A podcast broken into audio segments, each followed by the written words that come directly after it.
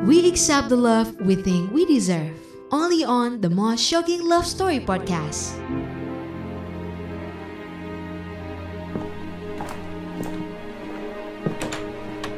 Selamat pagi. Pagi Pak Aryo. Tumben jam segini udah datang. Iya, sengaja datang lebih awal. Soalnya nanti siang kan harus keluar sebentar buat antar undangan. Udah datang kan ya? Oh, udah Pak. Kemarin sore setelah Bapak pergi, ada dua kardus yang datang. Sudah saya taruh di ruangan Bapak. Itu semua Bapak sendiri yang antar. Iya iyalah ya, yang nikah kan saya. Masa yang antar undangannya kamu? Iya ya Pak.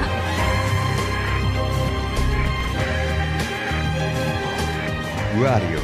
Gue sama teman-teman gue punya biro arsitek di daerah Kemang.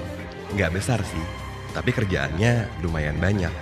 Enaknya punya usaha sendiri seperti ini, gue bisa atur jam kerja gue di kantor. Ya nggak sembarangan juga, tapi yang penting kerjaan selesai tepat waktu. Kayak seminggu belakangan ini, gue banyak banget harus keluar kantor untuk urus pernikahan gue yang tinggal dua minggu lagi. Gue udah pacaran sama Alia selama 2 tahun. Dia kerja jadi jurnalis di salah satu surat kabar besar di Jakarta. Bisa dibilang, dia udah nemenin susah dan seneng gue selama 2 tahun terakhir ini. So, yeah, here we are now. Ribet ngurusin pernikahan yang tinggal 2 minggu lagi. Karena semua kita kerjain sendiri. Pak, Bu Alia telepon di line 2. Oke, thank you Sita. Halo? Hei sayang, aku telepon ke handphone kamu tapi nggak diangkat. Sibuk. Oh iya ya, sorry sorry. Iya lagi nyelesain deadline hari ini biar nanti jam 3 bisa keluar buat antar undangan. Kamu jadi ikut kan? Nah, itu dia. Aku kayaknya nggak bisa jadi ikutan nih. Barusan ada order liputan dadakan ke KPK. Is it okay if you go by yourself? Oh, oke. Nggak apa-apa. You just go do your stuff. Aku bisa sendiri kok. Alamatnya masih sama seperti yang kemarin kamu email kan? Iya, masih kok. Maaf ya sayang. I'll make it up to you this weekend, oke?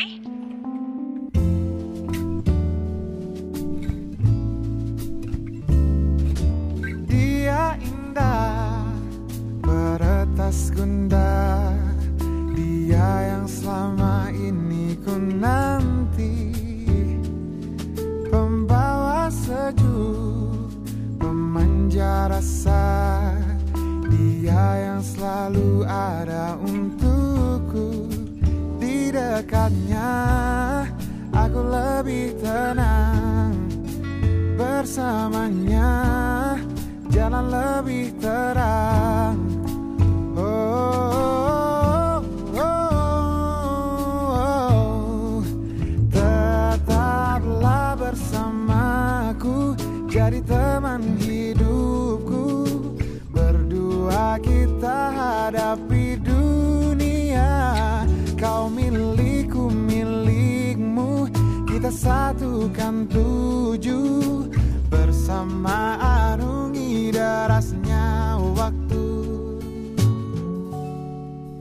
Kau milikku, ku milikmu,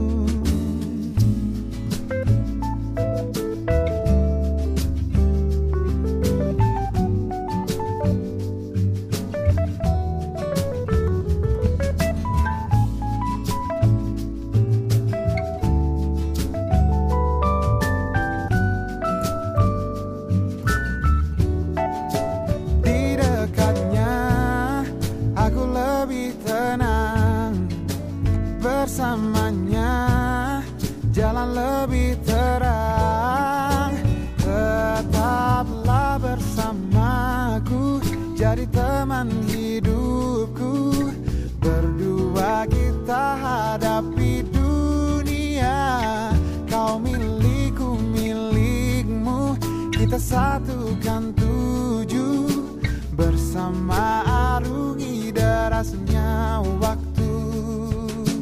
Bila di depan nanti banyak cobaan untuk kisah cinta kita. Jangan cepat menyerah. Kau punya aku Ku punya kamu. Selamanya begitu. Tetaplah bersamaku. Jadi teman hidupku. Berdua kita hadapi dunia. Kau milikku milikmu. Kita satukan tujuh Bersama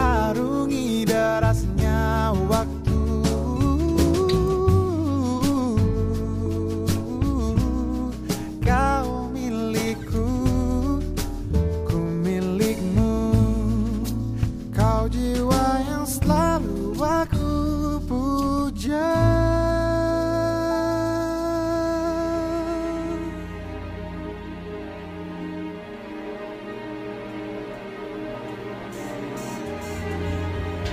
Tinggal lima hari lagi menuju hari besar gue dan Alia. Semua persiapan udah 90% beres. Undangan udah dibagiin semua. Catering aman. Souvenir sama gedung juga udah. Paling tinggal hal-hal kecil yang bisa diberesin dalam beberapa hari ke depan.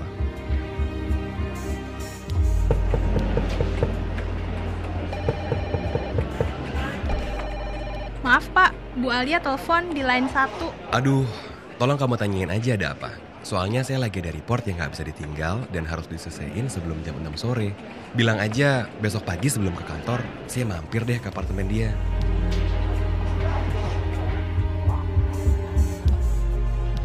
Menjelang pernikahan ini, gue malah jarang ketemu sama Alia. Gue sibuk, dianya lebih sibuk lagi. Dan kita tahu banget, beberapa hari lagi kita udah dipingit. Yang artinya nggak bisa ketemu satu sama lain sampai akad nikah. Tapi komunikasi jalan terus sih. Kita cuma bagi tugas. Terus paling saling update satu sama lain lewat telepon. Bu Alia titip pesen, dia akan pulang sendiri karena saya bilang Bapak lembur. Oh iya, Ibu juga pesen kalau besok Bapak ditunggu di apartemennya untuk menyelesaikan pembayaran biaya pernikahan yang belum lunas katanya. Oh oke, kamu udah mau balik? Iya Pak, kecuali kalau ada lagi yang harus saya selesaikan hari ini. Nggak usah kok, kamu balik aja. Saya masih harus selesaiin report ini dulu. By the way, hati-hati ya Sid. Terima kasih Pak, selamat malam.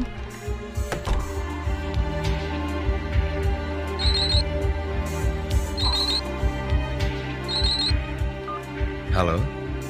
Hey! Kenapa? Oh, enggak kok. Cuma nyelesain report aja. Kamu mau kesini? Um, oke. Oke, oke, oke. Hot chocolate will be great. Yes, light whipped. Now you do know my favorite, huh? Okay. See you in a minute then. The perfect words never crossed my mind. Cause there was nothing in there but you.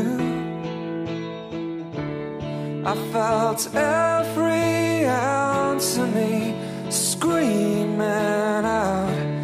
But the sound was trapped deep in me. All I wanted just sped right past me while I was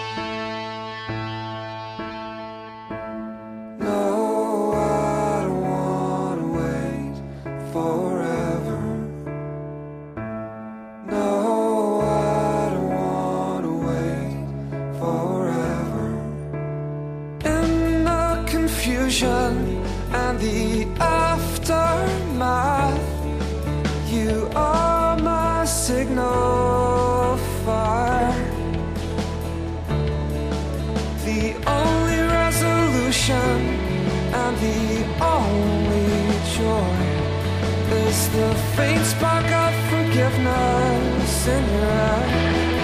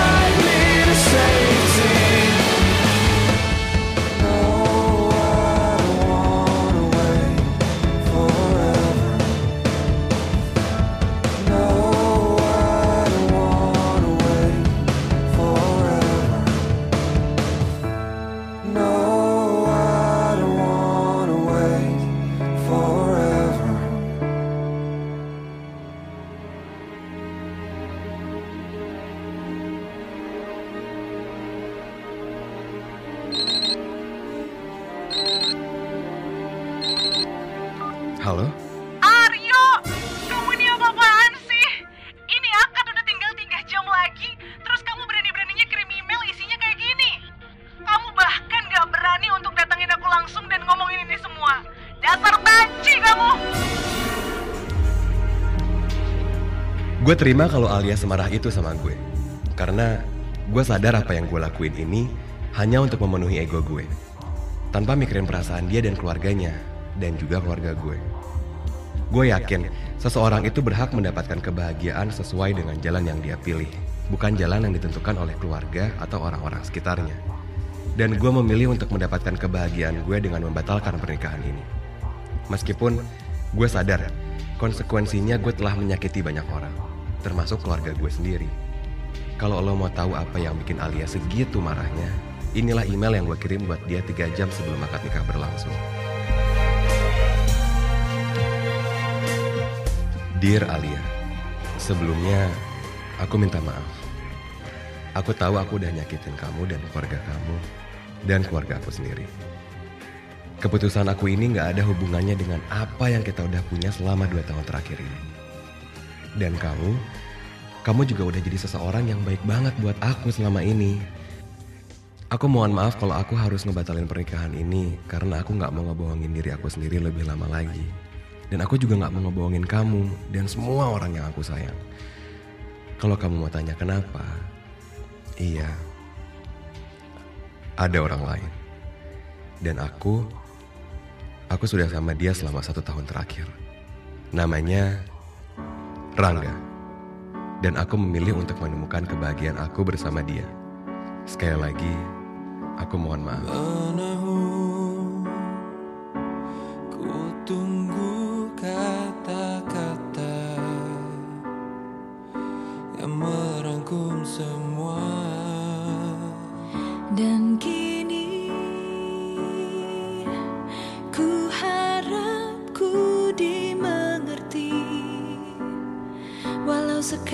saja pelukku Tiada yang tersembunyi.